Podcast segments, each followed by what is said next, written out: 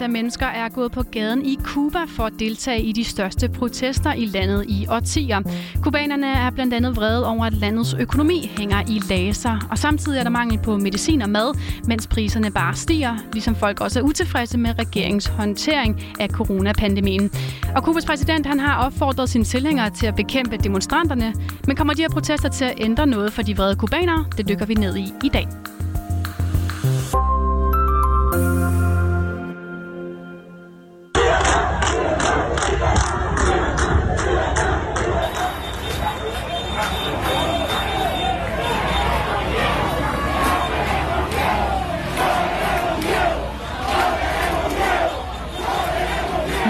Du lige hørte. Her er 10.000 af mennesker, der råber libertat, libertat i Kubas gader. De råber, at de vil have frihed. Men hvad er det helt specifikt, der sender dem på gaden? Det gør Jan Gustafsson, som er Kuba-ekspert og lektor ved Københavns Universitet, også lidt klogere på. Det er en, en desperat øh, økonomisk og forsyningsmæssig situation, som har, har varet et stykke tid, og som skyldes en, en række faktorer. Oveni kommer så, at øh, Cuba, der ellers igennem det meste af 2020 klarer sig rigtig, rigtig godt i forhold til covid-19, øh, så har oplevet øh, de sidste halve års tid en, en stor stigning i tilfældene, som er blevet øh, ekstra voldsom her i den allerseneste tid, øh, og at man, selvom man har udviklet øh, egen vaccine, at folk ikke synes, vaccinationsprogrammet kommer, altså at det kommer hurtigt nok igennem.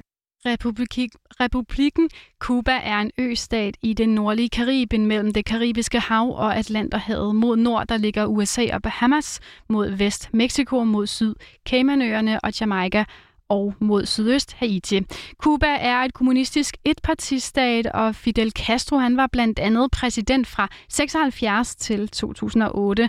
Og så fra 8 til 2018, der fungerede Fidel Castros bror Raúl som præsident. Miguel Diaz-Canel har været præsident siden 2018, hvor han altså overtog embedet.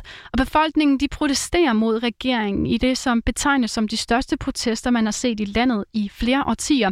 Og det er også det, der gør dem ret bemærkelsesværdige, lyder det fra Jan Gustafsson at der overhovedet er protester, åbne øh, protester øh, mod regeringen øh, i Kuba, er, er noget af et særsyn, og har faktisk været et særsyn, øh, skal man sige, i, i, i rigtig mange, mange år. Altså den, den revolution, der var i 1959, har på en eller anden måde ligesom, altså en lang række faktorer gjort, at, at øh, man kan sige, når man øh, protester mod, mod regeringen øh, og mod styret, øh, har der været meget, meget få af øh, i, i øh, de her mange år. Øh, og, og man kan sige det sidste, hvor vi kan se noget, der minder om en en sådan meget spontan folkelig øh, protest, det havde man så i 1994, som også var netop under en øh, måske den hed til øh, voldsomste øh, krise, den såkaldte specielle periode i Kubas historie, hvor man havde mistet øh, alle sine handelspartnere på grund af øh, Berlinmurens fald og, og hele Østblokkens sammenbrud. Kubas præsident har i forbindelse med de her protester opfordret sine tilhængere til at bekæmpe demonstranterne, og de demonstrerer og protesterer egentlig i virkeligheden mod flere ting, blandt andet mod strikse coronarestriktioner, som de mener har taget deres frihed. Det er også derfor, de råbte frihed i det lyd øh, klip, du lige hørte før. Og så mener de i det hele taget, at regeringen forsømmer dem. De er trætte af den økonomiske krise, som landet længe har befundet sig i. Og så er de utilfredse med, at vaccineudrullingen går alt for langsomt, mener de. Og ikke mindst så demonstrerer de mod et regime, som egentlig ikke rigtig giver dem lov til at demonstrere overhovedet. Her uddyber Jan Gustafsson det. Der er allerede blevet slået ned på det her. Der er blevet arresteret mennesker. Øh, omkring 100, så vidt jeg kunne læse mig frem til, er, er blevet arresteret. Øh, formodentlig for og kan så kalde det eller hvad man nu vil kalde det. Typisk så har man jo fortolket fra øh, styresider, fra de øh, ledende organisationers side, fortolket, at hvis folk øh, gjorde den slags ting, jamen så var det fordi, de på en eller anden måde var i, i ledtog med kontrarevolutionen, altså antirevolutionen, eller med USA, eller begge dele.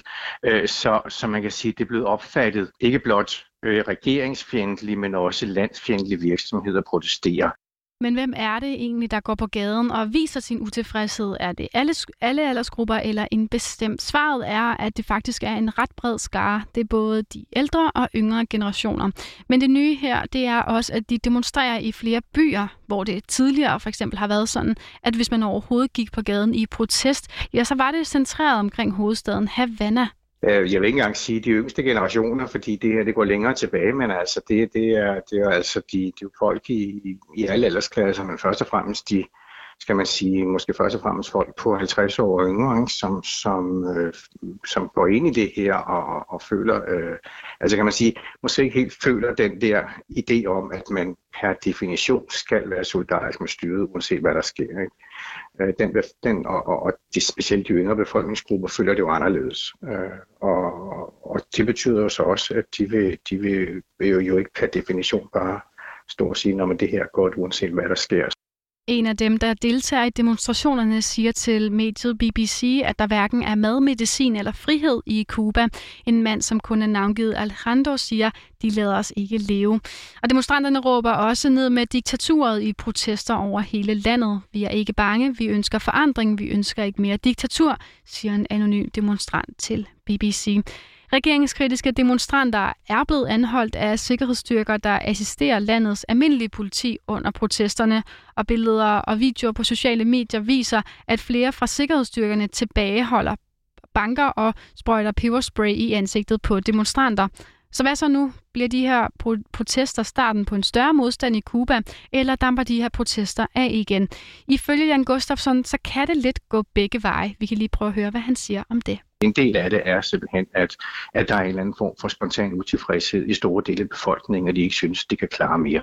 Øh, og den slags ting, øh, vi så det gå i sig selv, som jeg sagde før, i 1994, men øh, om det her går i sig selv igen eller ej, det er svært at sige. Tingene var også afhængig af, af regeringens måde at håndtere det her på, om de er i stand til at håndtere det altså kan man sige, at indgå i en, i en, i en mere effektiv dialog med, med, med, med de dele af befolkningen, som, som øh, ikke længere vil acceptere situationen. Det vil, være, øh, altså det vil det kræve, tror jeg.